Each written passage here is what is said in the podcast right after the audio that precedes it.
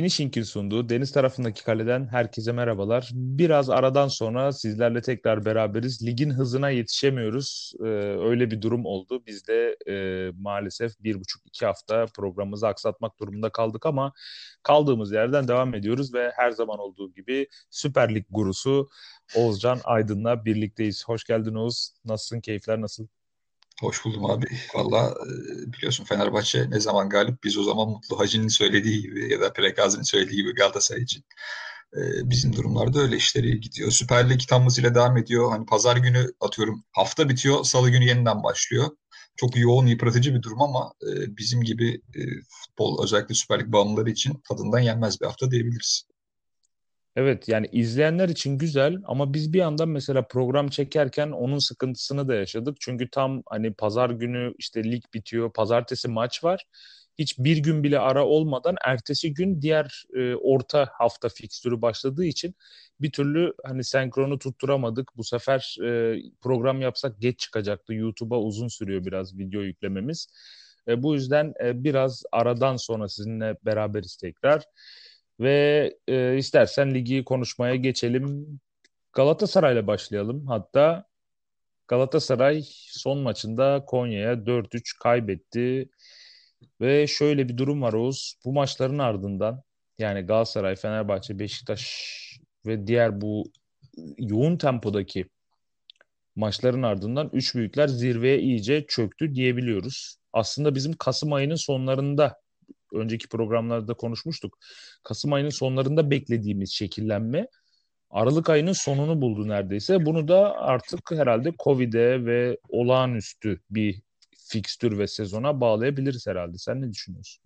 Abi kesinlikle öyle. Şimdi ilk etapta söylediğin gibi e, maçların hızında yetişemiyoruz bir. İkincisi de şimdi atıyorum ben pazartesi günü programı yapsam dahi ya da yapsak dahi e, bir sonraki maçlarla bunlar bağlantılı olduğu için mutlaka bir şeyler eksik çıkacak. Dolayısıyla hani iki haftayı en azından hafta içi yoğun programı da birleştirip tek bir program haline çıkarmak değerlendirme açısından daha doğru olur diye düşünüyorum ben.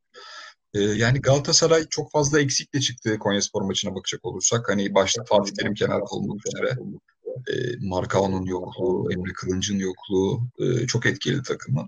E, ama hani sonuç itibariyle teorik olarak bakıldığı zaman 3 tane gol attığı bir maçı özellikle deplasmanda e, ligin en büyük takımlarından birinin 3 tane gol attığı maçı kazanmasını beklersiniz. Burada dolayısıyla Galatasaray'ın e, biraz savunma konusunu düşünmesini gerekiyorum. Çünkü e, zaman zaman Fenerbahçe'nin zaman zaman Beşiktaş'ın da yaşadığı gibi bireysel hatalara e, son hafta onlar da kurban gitti. Özellikle Luyendama'nın yaptırdığı penaltıyı göz önünde bulunduracak olursak e, onlar da kurban gitti. Galatasaray'da Trabzonspor galibiyetinin ardından önemli bir deplasman galibiyeti.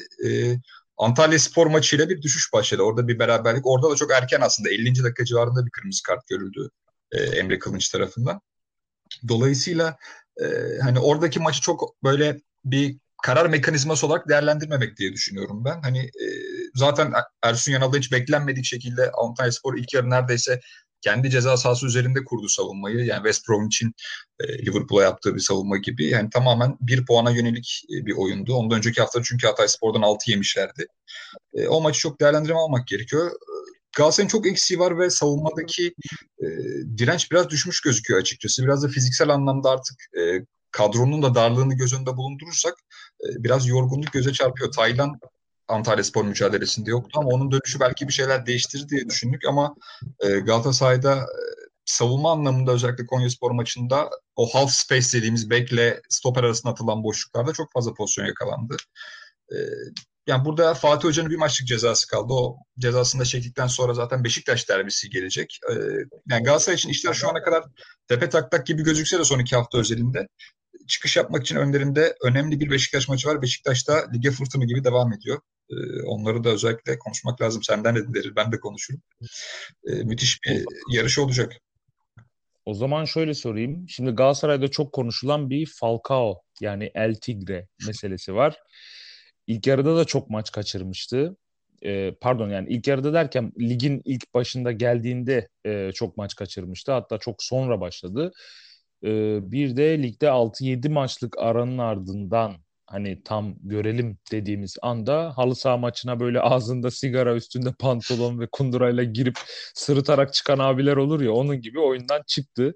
Şimdi taraftar Falcao'nun oynadığında verdiği katkı konusunda bence hem fikirdir kısmen de olsa. Yani adam oynadığı zaman en azından bir şeyler gösteriyor diyebiliyordur herhalde. En azından takıma bir özgüven kattığını görüyoruz ama gelişi ne kadar olaylı olduysa oynadığı veya oynayamadığı dönemde o kadar olaylı oldu Falcao'nun. Ee, bunu neden söylüyorum? Şimdi Galatasaray'ın bu sezon kadrosuna baktığında sene başında en önemli gol silahı tamam. İşte bizim bütün planlarımız diyelim ki Fatih Terim bakıyor sene başında bütün planlarımız var ama kaliteli bir golcü lazım. Ee, işte kim olur bu? Tamam Falcao olursa olur diyecekleri bütün taraftarın da hani sakat geliyor işte şöyle böyle biliyorsunuz bayağı spekülatif bir e, sansasyonlu bir gelişi vardı Falcao'nun. E, ama şimdi Galatasaray'a baktığımızda Falcao'nun olmayışının Beşiktaş'ta böyle hatırlarsan Kayseri maçında bu Gezzal'ın oynamayışı kadar etkisi olmadığını gördük. Yani Galatasaray'ın hücum aksiyonları içerisinde e, bir şekilde Diagne ile çözülme veya çözülmeme gibi şeyleri oluyor ancak çok böyle negatif bir etkisi olduğunu söyleyemem Falcao'nun yokluğunun. Mesela Muslera kadar değildir herhalde. Mesela en son Beşiktaş izlediğimde takımın hücum gücünün yarısının Gezzal'ın or- e, organize ettiğini fark etmiştim. Ama sana şunu da sorayım. Aslında sorularım şu. Şimdi Galatasaray'ın tek sıkıntısı Falcao ve Muslera'nın eksikliği mi? Yoksa işte disiplin, maaş problemi veya ne bileyim hani orta saha hücum arasındaki sen de görüyorsundur bu uyumsuzluğu var mı? Yani sen de onlara katılıyor musun? Ee, yoksa bu inişli çıkışlı böyle grafiğe takımdaki gerçekten eksikler mi sebep oluyor? Yani oyuncuların olmayışı mı? Hani e, tak, takımın oyununda bir problem eksiklerden dolayı tabii ki olacaktır. Ama yegane sorun bu mu? Yoksa Fatih Terim'in e, bir hatası var mı? Onu sorayım sana. Abi şöyle e, aslında güzel bir konuya parmak bastın. Şimdi Galatasaray genel itibariyle zaten bu sene bakacak olursak hani bir kişinin üzerine e, bir takım kurmuş durumda değil. Örnek veriyorum işte Gomis'in olduğu sezondaki Gomis gibi bir profil yok Galatasaray'da. Fatih Hoca da elindeki kadrodan dolayı çok fazla deneme yanılma yöntemine gitti. Örnek veriyorum işte Belhanda 10 numarayken onu müthiş bir 8,5 numaraya evirdi. Hani hiç hesapta yokken Taylan'ı müthiş bir 6 numara milli takım çizgisine kadar getirdi. Ya da Feguli aynı şekilde derindeki oyun kurucu gibi oynattı bir sağ kanat oyuncusu olmasına rağmen Fatih Hoca sürekli deniyor. Gerçekten e, hani bu konuda hakkını yemek gerekiyor. Fatih Hoca'nın zaten en büyük alameti farkalarından bir tanesi adam yönetiminin yanı sıra bu e, cesaret edebildiği hamleler de diyebiliriz. Ama ciddi anlamda hani sak, sakatlıklar ve şanssızlıkların da e, damga vurduğunu söyleyebilirim ben kendi adıma. Şimdi Fatih Hoca eleştirilmesi gereken bir nokta bence o sağ kenarındaki tavırları olabilir ya da işte kaybedilen maçlardan sonra e, tamamen bütün okları kendisi veya takım e, takımı demeyeceğim kendisi dışındaki etkenleri çevirmesi olabilir bence Fatih Terim'i eleştirebileceğimiz nokta. Yoksa ciddi anlamda e, bu kadro kesinlikle takviye istiyor. Özellikle merkeze bence kesinlikle bir takviye yapılması gerekiyor. E, burada zaten Galatasaray taraftarları da son iki gündür özellikle yönetime çok fazla veryansın ediyorlar bu konuda transfer yapılması e, konusunda. Şimdi Falcao konusunda da gelecek olursak senin söylediğin gibi ben Falcao atıyorum e, maçın başında oyunda olsa ve 75. dakikada sakatlanıp çıksak hani çok fazla bir tepki olacağını en azından bu kadar tepki olacağını düşünmüyorum ben. Hani bir yarım saat durup orada direkt çıkmak ve e, bu adamın artık iyice capslere konu olması bence taraftarın biraz sabrını taşırmış gözüküyor. Özellikle e, hani sonuçlar da iki hafta arka arkaya kötü gidince bu tepkiler de ayyuka çıktı. Bunda bir problem görmüyorum ben.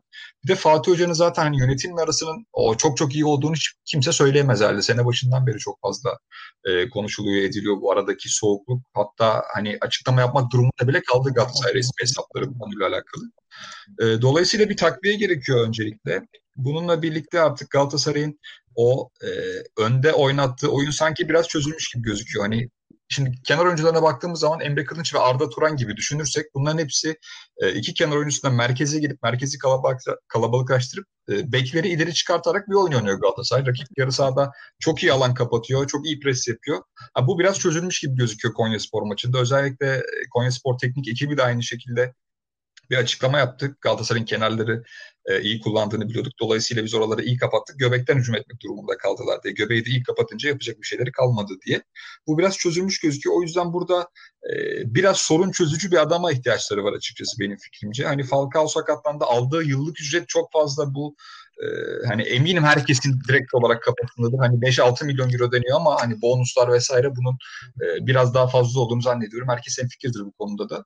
Dolayısıyla Galatasaray'ın bence hani yapması gereken şey bilmiyorum elden çıkabilir mi çıkamaz mı ama e, yüksek maliyette en azından yıllık maaşı hani Fegül'ün de çok fazla onunla anlaşıp bir şekilde maaşı düşürüp yeniden imzalanabilir ya da Belhanda'nın çok fazla aynı şekilde e, bu maaş skalasını düşürüp nokta atışı yapması gerekiyor. Burada yönetime çok iş düşüyor. Ya her zaman olduğu gibi artık e, yine Onyekuru gündeme geliyor. Geçmişte çok Buruma ile Fatih Hoca'nın aslında oyun profiline çok uygun bir adam. Özellikle bir pivot oynattıktan sonra o kenardaki süratli ve adam geçebilen kanat oyuncularını çok sever. Geçmişte dediğim gibi Buruma ile Geri Rodriguez'le ya da yine Onyekuru ile yaptığı çok önemli atılımlar vardı bu konuda ve e, kanat oyuncularının merkeze geldiği Galatasaray'da çizgide ekstra bir sorun çözücü. Galatasaray'ın bence işini görecektir ama bununla birlikte e, bir de göbeğe takviye gerekiyor diye düşünüyorum ben kendi adıma. Hani Falcao'dan nasıl çıkılacak, çıkılmayacak mı?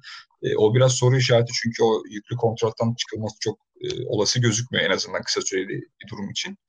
E, hani yönetime burada biraz düşüyor. Fatih Hoca'nın da e, hani her zaman yaptığı gibi ve hep söyleriz bunu kaosu Türkiye'de en iyi oynayan, en iyi oynatan, en iyi yöneten teknik adam e, Fatih Hoca'dır, Fatih Terim'dir. Hani bu kaostan sanki biraz kendini çıkarıp e, takımı öyle bir durumun içine sokarsa takıma o psikoloji verirse ben Galatasaray'ın yine gidebileceğini düşünüyorum. Burada en önemli nokta e, müthiş bir çıkış yakalayan Beşiktaş'la iki hafta sonra yapacağı Galatasaray'ın derbi mücadelesi diyebilirim. Hani o maçın skoruna bağlı olarak e, tabii ki moraller çok değişecek ama tabii ki takviyeleri de bir görmek lazım. Takviye yapılacak mı yapılmayacak mı? Özellikle diğer takımlar bu kadar yoğun şekilde transferle ilgileniyorken Galatasaray'da örnek veriyorum işte Aytaç Kara isminin gündeme gelmesi e, bu konuda taraftarın da biraz sabrını taşımış gibi gözüküyor.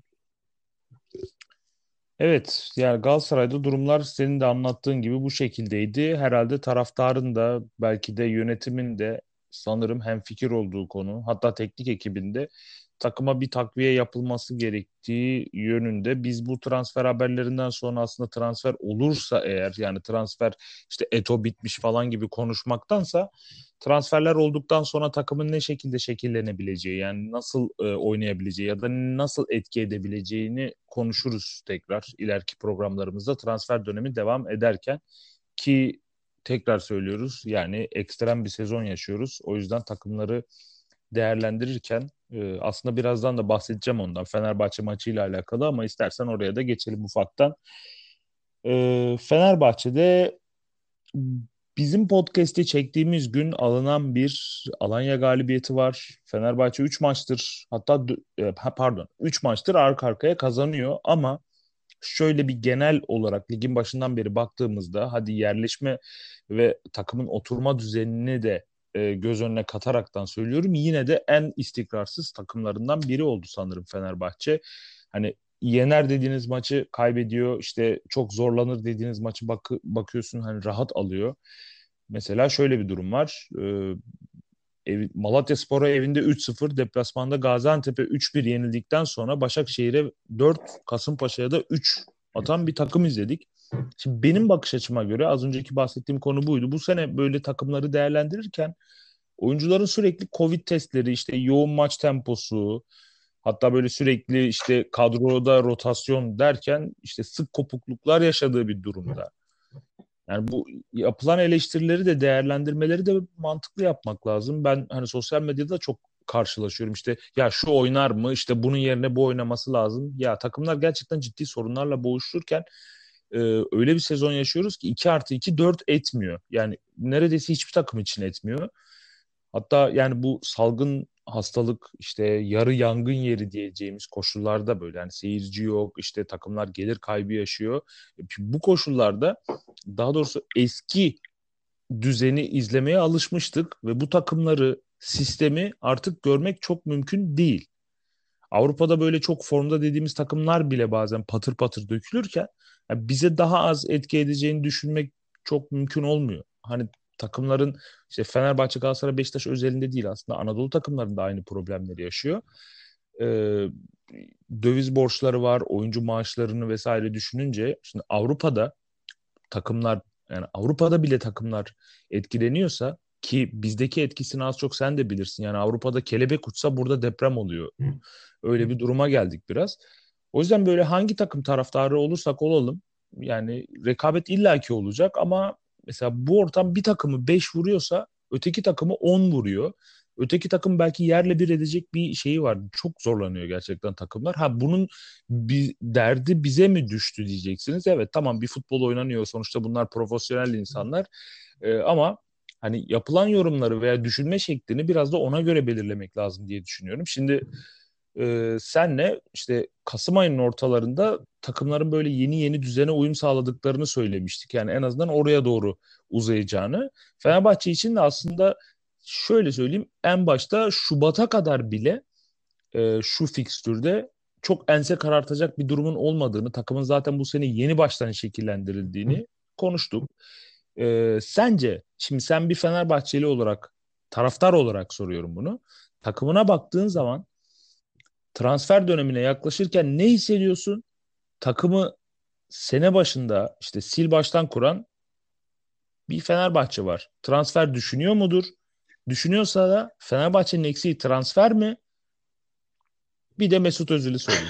Abi ben de bu e, Mesut Özil ne zaman gelecek diye düşünüyordum. Bunu mutlaka konuşuruz. Ya şöyle şimdi Erol Hoca'nın Alanya Spor'da oynattığı oyunu hepimiz biliyoruz. Rakibi müthiş analiz eden ve e, ikinci bölgede özellikle rakibi karşıladıktan sonra alanı iyi kapatıp hızlı hücuma çıkan bir Alanya Spor'la geçen sene ligde çok önemli bir etki yarattı. E, geldikten Hı-hı. sonra da Fenerbahçe'de bunu zaman zaman yapacağını söylemişti. Bu e, çok yanlış bir şey değil. Örnek veriyorum hani bugünkü Alanya Spor maçında da %29'luk bir toplu oynama oranı vardı Fenerbahçe'nin. Hani tarihindeki en düşük rakamlardan bir tanesi. E, ama bununla birlikte örnek veriyorum rakip ceza sahasında topla buluşma sayısı daha fazlaydı. Alanya Spor'a karşı böyle oynayabilirsiniz yapabilirsiniz. Bunu kabul edebiliyorum. Çünkü Alanya Spor e, taktiksel olarak da detaylı analiz edildiğinde e, kaybettiği maçların büyük bir kısmında zaten topla çok daha fazla oynayan takım ve kapanan takımları açma konusunda problemler yaşayabilen bir ekip Alanya Spor.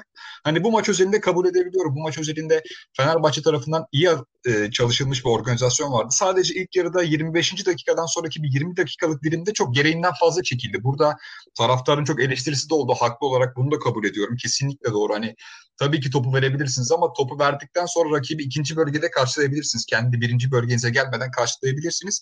Bu zaten e, modern futbolda en önemli savunma prensiplerinden bir tanesi. Yani bu kadar geriye yaslandıktan sonra her karambol sizin açınızdan potansiyel bir tehlike demektir.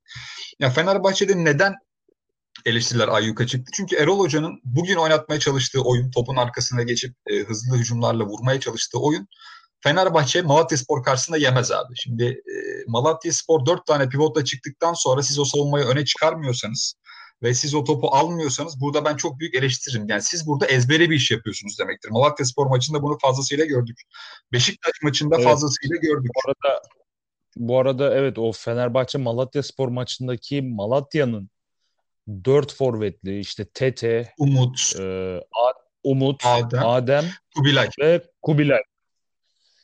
Yani dört forvetle çıkabiliyor e, Malatya Fenerbahçe'ye karşı. Yani ben buna forvet diyorum çünkü hangisini santrafor oynatsan ki kariyerlerinin çoğu santrafor olarak geçmiş oyuncular. Tabii kesinlikle. Bir tek hani Tabii. Adem'i o da eşit oynamıştır yani sol kenardakiyle. Hani Prime'ını sol kenarda yaptı ama o da zaten kenarda bildiğimiz klasik bir çizgi oyuncusu gibi değil. İçeri kat ederek hedef kant oyuncusu olarak attığı gollerle meşhur oldu. İyice öyle performansını tapa çıkardı. Galatasaray'da öyle transfer zaman, yaptı. O zaman Adem Büyü'ye ne diyelim? 11,5 numara diyelim Adem Büyü'ye tam böyle ben e, hani FM'de son dönemlerde FM 15'te çıktı yanılmıyorsam. Hedef kanat oyuncusu var ya bir forvete atıyorum yer bulamıyorsun ileri uçta. Daha efektif bir adam var ama onu da kullanmaktan e, kaçınmamak istiyorsun. Dolayısıyla sol kenara attığın bir hedef kanat oyuncusu gibi e, Adem Büyük. Hani bu maçlarda topa eğer rakibe verirseniz orada bir sıkıntı var, bir ezber var demektir. Şimdi bence bu e, Alanya Spor maçı evet dediğim gibi hani %29'luk topla oyna oranı benim açımdan problem değil. Çünkü e, hani attığından fazlasını da kaçırdı Fenerbahçe. Kaçan bir penaltı var. iyi kontrole çıktı. Bunları kabul ediyorum. Ama şimdi önümüzdeki hafta bence çok önemli bir test olacak. Önümüzdeki hafta dediğim tabii ki pazar günü.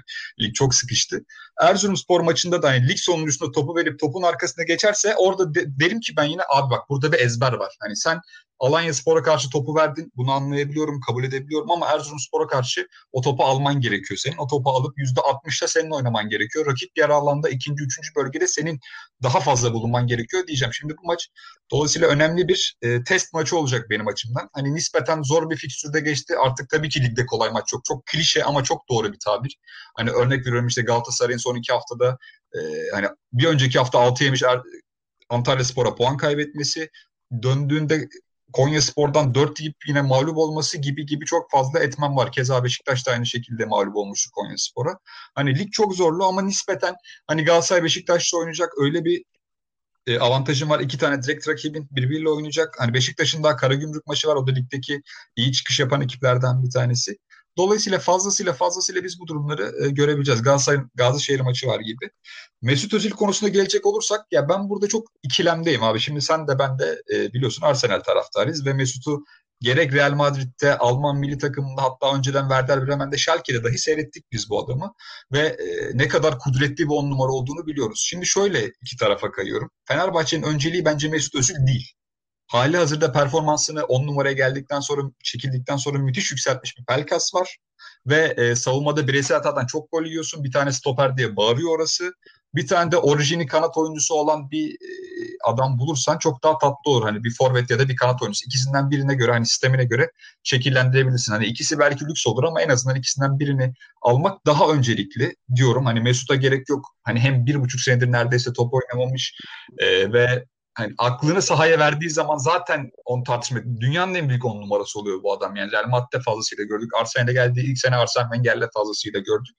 Oğuz bu arada araya gireceğim ama sana şunu sormak istiyorum. Mesela sen de Arsenal'i izledin ya. Mesela Arsenal'in e, senelerdir bir stoper problemi vardı. Hadi onun üzerinden sorayım. Hani benzerlik açısından söylüyorum.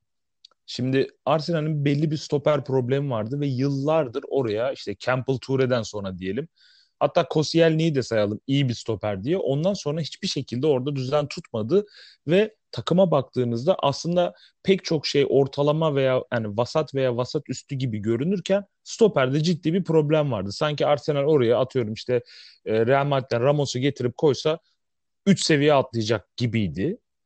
E, şimdi Fenerbahçe'ye baktığımızda Fenerbahçe o kadar transfer yaptıktan sonra sene başında takımı tekrar şekillendirdikten sonra Fenerbahçe'nin tek eksiği Mesut mu? Yani e, takımdaki her şey tamam. Mesut'un eksikliğini mi çekiyor bu takım? Onu sorayım sana. Abi kesinlikle değil. Ee, şöyle ki hatta belki de Fenerbahçe'nin en az e, eksiklik çektiği nokta burası. Çünkü oraya tamamen e, kadro derinliği açısından örnek veriyorum. Sosa'yı atabilirsiniz, Mert Hakan atabilirsiniz. Belkas'ın orijini orası. E, Ozan'ın orada oynadığını gördük. Perotti'nin e, orada oynadığını gördük. Hatta hiç değil diyebiliriz. Kadrodaki en az eksik yerlerden bir tanesi. Ama işte soru biraz Mesut Özil ile alakalı olunca son safkan 10 numara e, ile alakalı olunca o biraz e, işte insanın kafasını karıştırıyor. Dediğim gibi Fenerbahçe'nin asıl önceliği bence bir stoper, kenar oyuncusu ve mümkünse bir forvet olmalı zaten eğer e, yapılacaksa diye.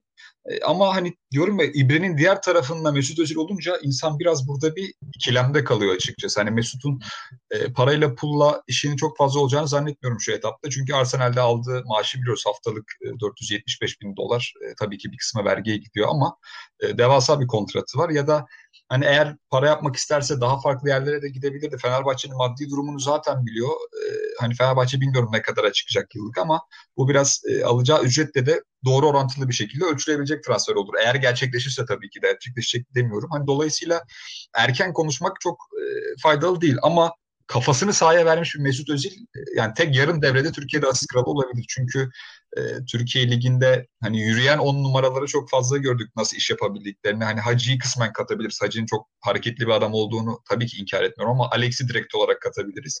Nispeten e, koşu temposu çok yüksek olmayan adamların ne kadar parladığını düşünecek olursak hani dediğim gibi son 20 senede belki de hani 15 sene diyeyim en azından e, dünyanın en büyük on numarasından bahsediyoruz sonuç itibariyle. Son safkan on numaradan bahsediyoruz. Oyun görüşü, e, yaratıcılığı, pasörlüğü müthiş ötesinden müthiş olan bir adamdan bahsediyoruz.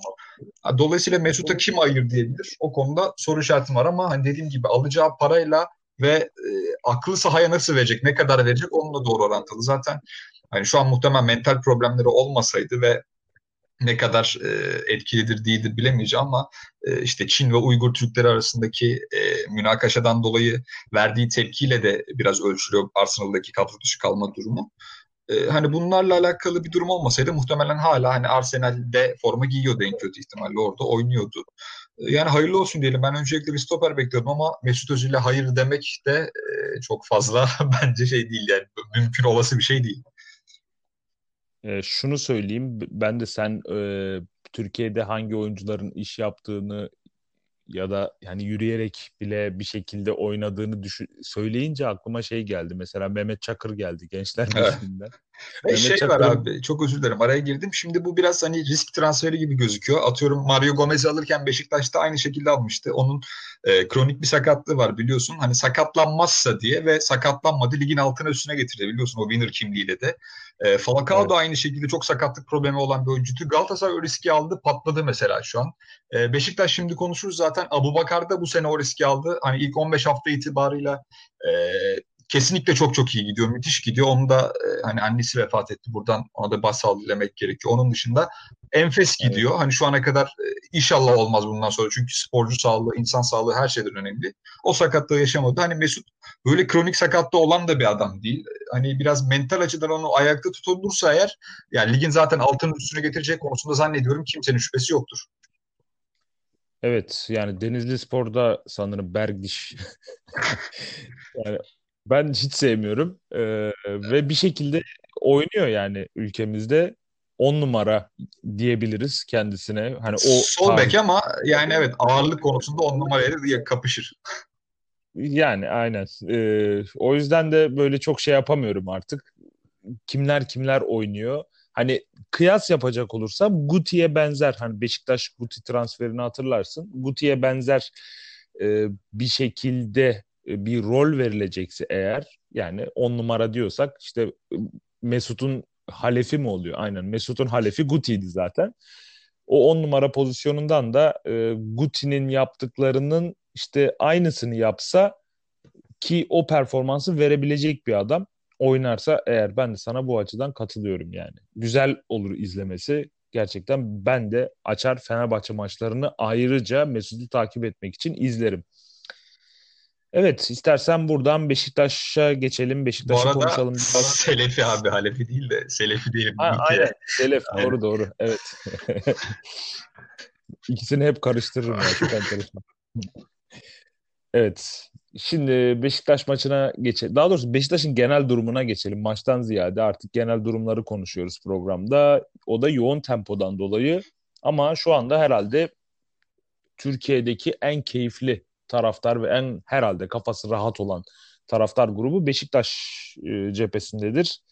E, alınan farklı galibiyetler var. Son 5 maçtır gol yemeyen bir takım var. Evet hani Sivas dışında belki ligin görece zayıf takımları diyebileceğimiz işte Kayseri, Ankara gücü, Erzurum gibi ligin alt sıralarında ve kötü futbol oynayan hani ortalama veya şanssız takımları demiyorum direkt kötü futbol oynayan takımları diyebilirim.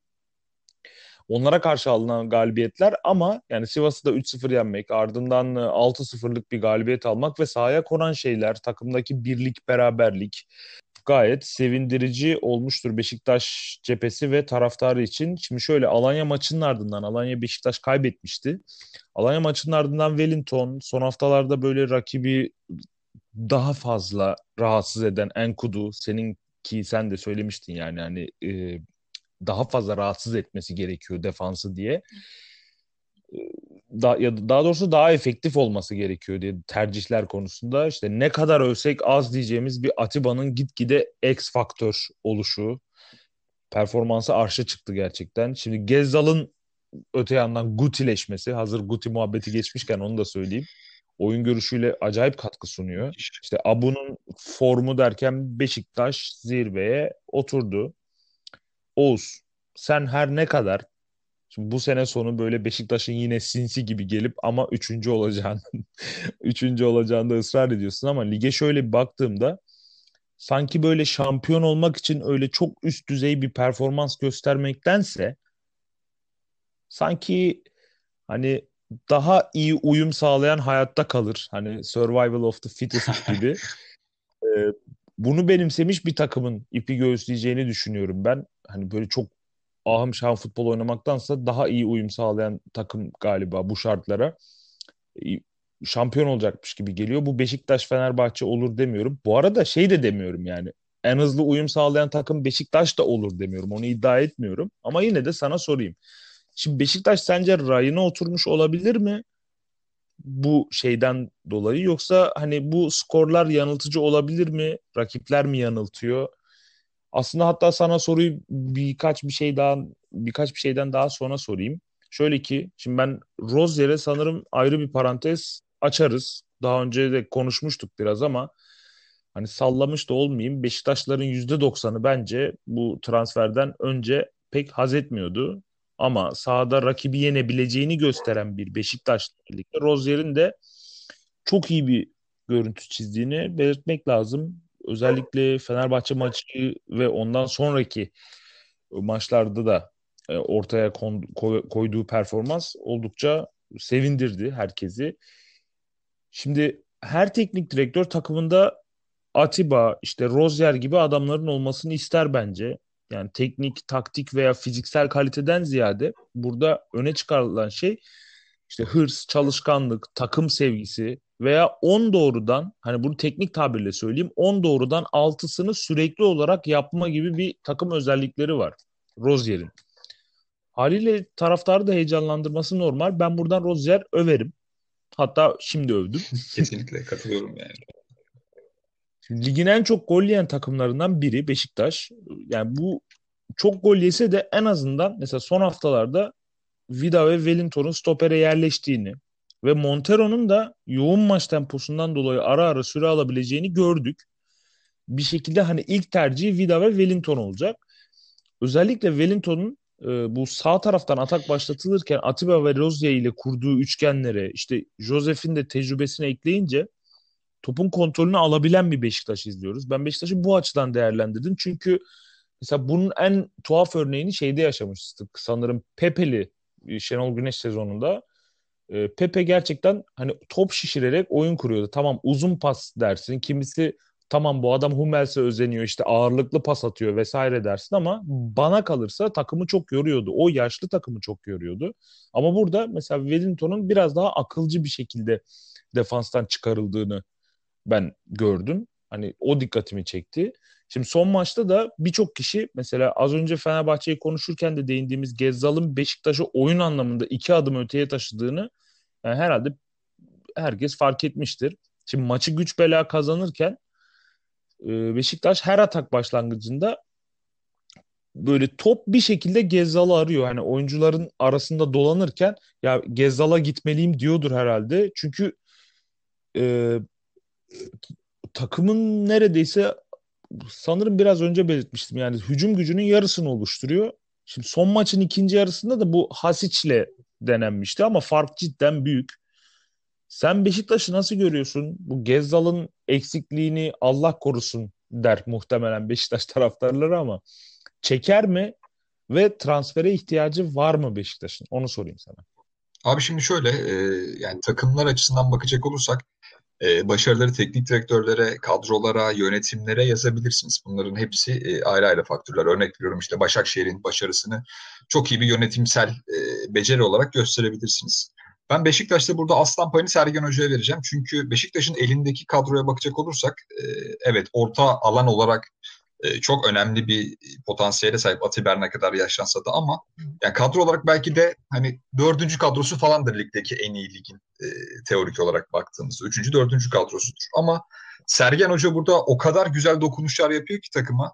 Yani kimsenin sene başında ya bu herif ne işi var burada dediği Larin'i e, 16 haftada 10 gol attırdı sol açık olarak oynatarak. Solda yine Adem'den bahsettiğimiz gibi hedef kanat oyuncusu olarak oynatarak. Takım rakip yer alanına müthiş e, baskı yapıyor. İnanılmaz dağılıyor. Müthiş alan kapatıyor. Ya burada taktiksel detayları fazlasıyla konuşuruz ama işin bir de şu boyutu var. Şimdi Sergen Hoca futbolculuğun her döneminde e, bütün e, spotların üzerinde olduğu bir süperstardı. Bir süper yıldızdı. Dolayısıyla e, takımdaki yıldız olma potansiyeline sahip adamların hepsinin e, haleti ruhiyesini en iyi çözecek adam bence Sergen Yalçın'dır burada bakacak olursak.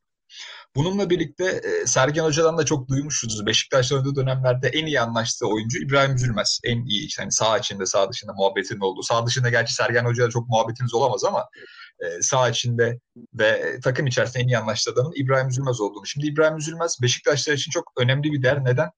Teknik kapasitesi, yetenekleri sınırlı olsa da o forması için e, her şeyini veren, işte tekmeye kafa sokan, 90 dakika boyunca bir çizgiden diğer çizgiye koşan, bütün 100 metreyi kat eden e, müthiş bir karakter. Dolayısıyla Sergen Hoca hem az yetenekli tırnak içerisinde söylüyorum. Az yetenekli oyuncuların hem de gerçekten yıldız olma potansiyeline sahip adamların dilinden çok iyi anlayan bir adam. Ya oyuncularla iletişimin ben çok iyi olduğunu düşünüyorum. Ne gerektiği kadar e, böyle gerektiğinden fazla lakayt ne de e, çok fazla sıkı onlara iyice bir askeri despotluk veren bir adam. Tam yerinde kararında bir e, ilişkisi var. Buradan Sergen Hoca'yı kutlamak gerekiyor. Dediğim gibi hani e, Larin'den bir süperstar çıkardı. E, Gezzal'ın kanattaki oyun kurucu olarak oynaması çok önemli. Onun pasörlüğünü çok iyi değerlendirdi.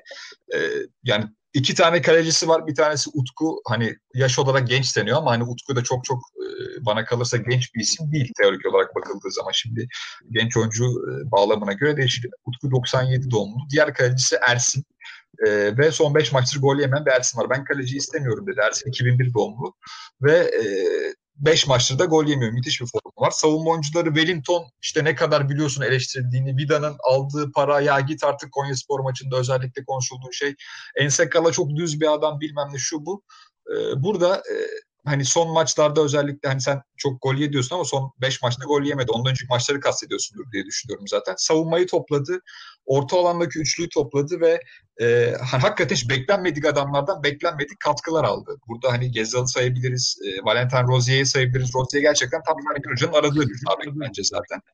E, hani savunmada atletizmiyle o hücumdaki açıklarını kapatıyor. Gayet başarılı işler yapıyor. Dinamizm açısından sürekli çizgiye basıyor. İkili mücadelelerde kolay kolay yıkılmıyor. Süreti çok iyi. Tam onlar adı belki Rıdvan'ı değerlendiriyor. Dotasyonları çok iyi ayarlıyor. Hani Necip ya işte Necip'ten e, bilmiyorum rahatsız olan çok fazla adam vardı. Yani Necip'in stoperde olduğu bir maçta derbide Fenerbahçe'ye karşı 4-3'lük galibiyet aldık. Uzun bir dönemini hatta 10 kişi oynadı maçta. E, galibiyet aldı burada hani Sergen Hoca'nın aslan payı direkt olarak onun diye söyleyebilirim. Ee, bununla birlikte sen evet Rozier'den bahsettin. Rozier e, gayet iyi, Gezzal gayet iyi. Abu Bakar'ın sadece bitiricilik anlamında değil o bağlantı oyununda geriye gelip takım arkadaşlarına alan açması, fiziksel olarak üst düzeyde olması çok önemli. Onu sayabiliriz aynı şekilde. Hani takımda çok fazla kahraman sayabilirsin. Ama ben bir tane daha ekleyeceğim burada. Çok fazla gözünün önünde olmadığı için. Ama Josef de Souza Beşiktaş'a geldiğinden beri o özellikle tek önlü bir oyunda Fenerbahçe'ye de çok söylerdim ben. Mehmet Topal'la beraber oynadığı zaman çok bozuluyor bu adam. Tek oynaması lazım diye. Şimdi pas oyununda sırıtmıyor. Beşiktaş'ın o e, ilerideki nispeten işte hani Gezzal çok sert bir adam değil bakacak olursak. E, evet. E, bunun dışında hani Abu Bakar'ın sakatlık problemi ortada.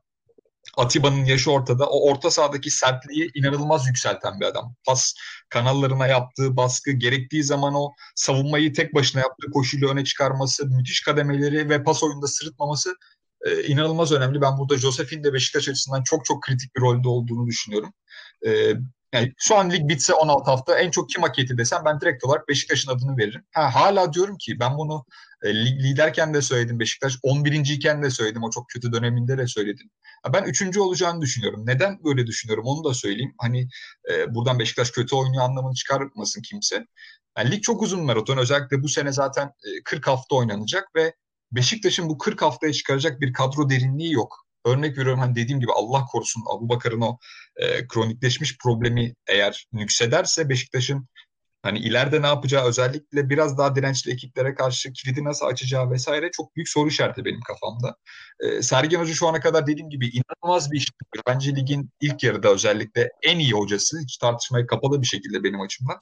Ama onun da e, mental olarak ne kadar gitgellere sahip olduğunu, gemilere yakma potansiyeli ne kadar e, yüksekte bir adam olduğunu hepimiz biliyoruz. Dolayısıyla Beşiktaş'ın bir transfere ihtiyacı var. Özellikle bence kadro derinliği açısından bir transfere ihtiyacı var. Hani forveti bir şekilde yedeklemek gerekiyor. Bir tane alınabilirse e, ben Beşiktaş açısından müthiş olacağını düşünüyorum. Bir stoper alınması gerekiyor. Hani e, her ne kadar son 5 maçta gol yemese de e, basit hatalardan gol yeme potansiyelini ben yüksek görüyorum Beşiktaş'ın. Özellikle e, bir de son olarak müthiş soruldu e, bence basın toplantısında kim sorduysa tebrik etmek gerekiyor onu. Hani şampiyonluk, liderlik stresi e, sizde eksi bir negatif bir etki gösterim diye bir soru soruldu Sergen Hoca Rize Spor galibiyeti sonrasında. Onun demeci çok önemli. Biz Beşiktaş'ız. Beşiktaş her zaman şampiyonla oynar. Dolayısıyla bu bize bir stres yaratmaz dedi. Ama e, ona yaratmayacak konusunda yüzde yüz eminim. Çünkü onun e, futbolculuğunda en stresli anlarda ne kadar büyük sorumluluk alabildiğini, ne kadar büyük bir oyuncu olduğunu yani binlerce kez ispatlamıştır bize. Ama kadro aynı şekilde olacak mı olmayacak mı o biraz soru işareti. Devamlılık açısından hani dediğim gibi 40 hafta bu kadroyu döndüre döndüre oynatıyor sürekli. Örnek veriyorum işte Necip Stoper'de oynatıyor. O çıkıyor. Wellington oynuyor. Montero oynuyor. Vida giriyor. İşte sol bekte Ensakala mı Rıdvan mı ikisi de oynuyor. Kalecileri değiştiriyor. En son işte Atiba kadroda yoktu. Onu Atiba'yı çıkarıyor, onu oynatıyor. Hani bu biraz yorgunluk e, baş gösterebilir. Öncelikle bir kadro derinliği, e, akabinde de Abu Bakar'a bir alternatif bulunursa bir de e, yani tabii mümkünse La için e, biraz mental olarak dönmesi gerekiyor ama e, o biraz zor gözüküyor. Hani Oğuzhan'ı da toplayabilir. Dediğim gibi yıldız oyuncuları, yetenekli oyuncularla ne kadar e, konuşulması gerektiğini onların psikolojisinden en iyi anlayan adamlardan bir tanesi. İkisinden biri döndürülürse Beşiktaş açısından her şey şu an e, direkt olarak hani 10 üzerinden 10 gidiyor hiç problem yok. Takımdaki arkadaşlık çok üst seviyede. E, Beşiktaş top oynarken eğleniyor. Eğlendikten sonra e, zaten gerisi biraz daha kolaylaşıyor. Daha da e, sadece etrafa keyif vermesi kalıyor. Skorlar da kendiliğinden geliyor. Yani keyif aldığı yerde bize de çok keyif veriyor. E, ben dediğim gibi ilk etapta bir derinliğe yönelik e, çünkü bu 40 haftaya çıkacak daha hani 16 hafta geçti ama 24 haftalık periyot var. Daha yarısına bile gelmedik teorik açıdan baktığımız zaman ligin. E, transferler yapılması gerekiyor zannediyorum. Yönetimde e, bu iyi performansı bir şekilde Sergen Hoca'nın iyi performansını ödüllendirmesi gerekiyor. Bunun dışında Beşiktaş'ta arkadaşlık, e, sağ içindeki dağılım, işte gerek kanattan gerek merkezden delmeleri, gerekse işte Larin'in kenarda fizik özelliğini çok iyi kullanması, orta alandaki yüksek baskı kalitesi savunma yöne çıkarması e, bunlar açısından konuşacak bir şey yok. Gayet başarılı, hiçbir problem yok. E, biraz sadece derinlik ve işin psikolojik aşaması bence Beşiktaş açısından sezonun geri kalanında kritik nokta. Şimdi ben unutmayayım diye söyleyeyim. Ben Wellington'u bu arada hala beğenmiyorum. Yani bir şekilde evet iyi oynuyor ama ben çok böyle mesela Galatasaray'la oynanacak maçta bir penaltıya sebep vermez diyemiyorum. Ee, ya da bize gol yedirmez diyemiyorum işte bariz bir hata yapıp zor durumda bırakmaz diyemiyorum. Diyemiyorum dememin sebebi de aslında bizim gol yemediğimiz maçlarda da benzer hataları yapıyor oluşu. Bazı maçlarda gerçekten hayalete dönüyor. Yendiğimiz ve gol yemediğimiz maçlarda dahi. O yüzden Wellington'un böyle bir problemi var. Yani hala beğenmiyorum. O konuda da fikrim çok değişeceğini zannetmiyorum. Çünkü adamın bu saatten sonra hani 30-31 yaşında sanırım bu saatten sonra çok değişeceğini düşünmüyorum. Ee, şey konusunda da e, takımdaki arkadaşlık falan ondan bahsetmişken ayrıca oyun şeklinin de değişmesi, değişmiş olması ben şöyle bir karşılaştırmayı düşünüyorum. Herhalde geçen seneden farkı geçen sene bu dönemlerde de yani e, ligin bitimine oranla hani bulunduğu yerden bahsediyorum. Çünkü geçen sene 34 maçtı bu sene 40 maç ve e, Beşiktaş'ın Abdullah Avcı ile herhalde 10. 15. haftalar arası olması lazım. Orada da yakaladığı bir seri vardı. Yaklaşık 6 maç veya 7 maç yanılmıyorsam ardarda arda bir kazandığı süreç vardı ve biraz sinyaller vermişti. İşte bu takım bundan böyle. İşte avcı şimdi geliyor. İşte aman şöyle işte Beşiktaş şimdi göreceksiniz gibilerinden demeçler verilirken takım yine tepe taklak olmuştu ve daha sonra Abdullah Avcı'nın görevine son verildi. Şimdi bunu karşılaştırırsak eğer işte her 5-6 maç kazandıktan sonra işte Beşiktaşlıların artık şampiyonluk havasına girmesi bizim taraftarlarda biliyorsun klişe bu artık Bizde yani de çok var abi o Fenerbahçe'de biliyorsun sezon başında özellikle çok olur. Tabii tabii geçen sene de vardı yani sizde. Yine fena gitmiyordunuz aslında belli bir dönem. Şimdi Beşiktaş'ta da geçen seneyle bakalım aynı dönemlerde kazanılan 5-6 maçlık arka arkaya bir e, maç periyodu var. Ancak tek farkı takımın gerçekten geçen senekine göre daha iştahlı ve senin dediğin arkadaşlık hani takımın işte oyuncuların birbirleri için mesela Oğuzhan Oğuzhan gol attığı gol attıktan sonra ki eskiden gelen bir arkadaşlıkları da var zaten de e, Oğuzhan gol attıktan sonra işte Abu demesi işte kameralara falan böyle işte Fransızca konuşan oyuncuların birbirleri arasında iyi anlaşması. Yine geçen sene gayet iyi bir performans gösteren ama Beşiktaş'ın kimliğinden ötürü çok fazla öne çıkamayan Elnene'nin bu sene Arsenal'de biliyorsun bizim takımda yani gidip 11 oynaması ki gayet de fena götürmemesi ligde. Ee, yani bunları da düşününce ve o Elnene'nin yerine direkt çok da sırıtmayacak hatta belki biraz daha Türkiye'ye daha uygun bir oyuncu olabilecek Josef'in getirilmesi derken geçen seneye kıyasladığımda tabii ki daha fazla umut veriyor. O yüzden Beşiktaşların e, şunu düşünmesi daha faydalı olabilir. Şöyle ki yani geçen seneki bitirdiği takımdan veya çizdiği görüntünün e, aşağısına inmeyecek bu takım en azından. Şunu biliyoruz. Çünkü o şeyi zirveye aldılar bir defa. Şey olarak söylüyorum. Yani ligin zirvesini değil. Hani o pik noktasını kendileri çıkabileceği noktayı gördü. Bazen oyuncular bunu göremiyor veya takım veya teknik direktör hatta taraftar bile hani biz nereye kadar iyi oynayabiliriz diye baktığı zaman göremeyebiliyor. Ancak şu anda görüyorlar. Neyi görüyorlar? Bu takım iç sağ olsun, dış sağ olsun e, rakibe işte ceza sahasının önünde pres yapabiliyor. Abu Bakar istediğinde 10 numara gibi gerçekten son maçta bu arada kaçırdığı gollerin dışında söylüyorum. Son 3 e, maçında yaklaşık neredeyse ona 10 numara gibi oynadı ve pas dağıtıyor, oyun kuruyor. Çok tuhaf bir false nine diyebileceğimiz sahte 9 gibi oynamaya başladı. Ve aslında bu da şeyi veriyor ve oyuncular da pardon e, hem oyuncular hem taraftarlar bunu gördüğü zaman gerçekten de hoşlarına gidiyorlardır. İşte pik noktasını bu şekilde gördüğü zaman takıma takımın özgüvenini arttıracaktır. Beşiktaş açısından bu açıdan faydalı olabilir. Tabii ki e, bir faktör var. Galatasaray maçı o da bu maça bu kadar çok anlam yüklenmeli mi yüklenmemeli bilmiyorum ama hani e, Beşiktaş'ın olası bir diyelim ki 3-0'lık mağlubiyetinde Galatasaray karşısında ki gayet mümkün sen de biliyorsun belli olmuyor. Ee, çok şey değil. Onu yine maç öncesi derbi özel veya maç sonrası konuşuruz yine ama hani Galatasaray'ın diyelim 3-0'lık galibiyetinde Beşiktaş'ta bu nasıl bir etki gösterir? Ona bakmak lazım. Eğer Beşiktaş Galatasaray maçından da aslında fena olmayan bir görüntü çizerse takım en azından hani ligdeki en güçlü. Şimdi Fenerbahçe'yi deplasmanda yenmişsiniz. Galatasaray'ı da derbide yeniyorsanız muhtemelen şampiyonluk e, şifrelerinden işte 10 şifre varsa ikisini üçünü çözmüş oluyorsunuz. Geri kalanlar e, Mart ve Nisan ayında gösterilen performanslar oluyor. E, önceki yıllarda hep böyle bu şekilde oldu.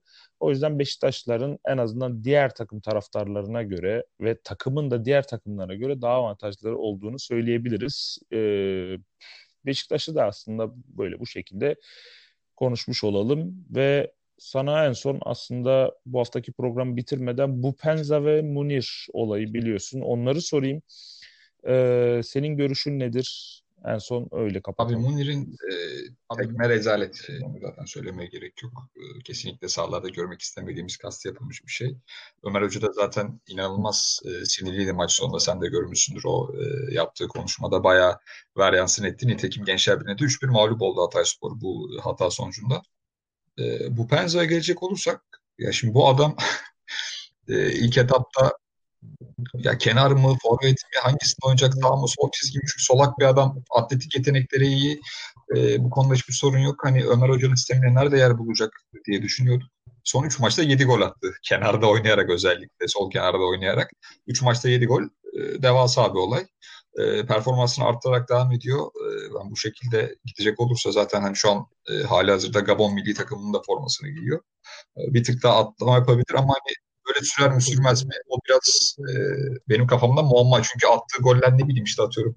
E, arka direğe attıp böyle boş koşu atıp orada dokunduğu bir pozisyon falan değil. Bildiğin sen de görüyorsun. Ayak içiyle direkt 90'a bırakılmış pozisyonlar. Direkt olarak yani e, 90'daki örümcek alanı e, alan pozisyonlar. Nazar değmesin diyelim. Munir zaten dediğim gibi rezalet bir olaydı o tekme. Takımı da zaten haftaya mal oldu. Muhtemelen e, yani ben belli bir süre kesik yiyeceğini düşünüyorum. Ömer Hoca çünkü o kadar sinirliydi ki bu e, olay sonrasında. Hani işte milli takım forması giymiş Tunuslu bir kalecinin, İspanya dönmüş bir kalecinin bunu yapmaması gerekiyordu dedi. E, Akın var yedek kalecileri. Akın ne kadar e, iş yapacak yapmayacak o biraz e, muamma soru işareti. Göreceğiz. Bir de son olarak e, ben Serkan Hasan'dan bahsetmek istiyorum. Trabzonspor'dan çok konuşamadık. E, çok kısa bir hemen bahsedeyim. Evet. E, yani Trabzonspor Abdullah Avcı ile her ne kadar oyun olarak çok fazla hala tatmin etmese de sonuçları almaya devam ediyor hani en azından ne oynamaya çalıştığını şablonlu bir şekilde görüyoruz biz artık Abdullah Avcı'nın. Oyunu biraz ilerletmesi gerekiyor. Yaratıcılık anlamında çok sıkıntılı çünkü hücumda özellikle. Ama takım savunması zaten Abdullah Avcı'nın en büyük alameti farikasıdır. Dolayısıyla takım savunmasını oturttuğu zaman hücuma da nispeten geriye biraz çalışmak kalıyor. Eğer hani bu sene devre arası olmayacak, arada bir dinlenme ve çalışma süresi olmayacak oyuncular arasından. E, hani öyle bir şey olsa ben daha önde bir atılım bekleyebilirim daha yakın zamanda. O biraz kötü oldu Trabzonspor adına. Onlar için de işler iyi gidiyor ve e, hakkıyla formayı söke söke olan Keza Newton'dan da almıştı aynı şekilde. Geçtiğimiz sene de e, Ünal Hoca döneminde zaman zaman oynadı. Hüseyin Hoca döneminde de aynı şekilde. Bu sene özellikle Newton'dan da Abdullah Hoca'dan da e, formayı söke söke olan Serkan Hasan'ı kutlamak gerekiyor. Onun da çok büyük bir potansiyel ihtiva ettiğini kaçırmamayalım. Evet, e, gündemimiz bu şekildeydi. Aslında bu programa başlık atmak istersek ligin zirvesi şekilleniyor. Galatasaray, Fenerbahçe ve Beşiktaş'ın durumları nedir? Özel konulu bir program oldu. Önümüzdeki haftalarda sizinle tekrar beraber olacağız. Haftalık programlarımızı çekmeye özen gösteriyoruz. E, sürçülisan ettiysek affola. Bizi dinlemeyi eğer e, sizin katıldığınız veya katılmadığınız görüşleriniz varsa YouTube'da yorumlar bölümüne veya attığımız tweetlere e, cevap verebilirsiniz. E, etkileşim her zaman iyidir. Dinlediğiniz için çok teşekkür ederiz. Finishing'in sunduğu deniz tarafındaki kaleden herkese hoşça kalın diyoruz. Hoşça Hoşça kalın. kalın.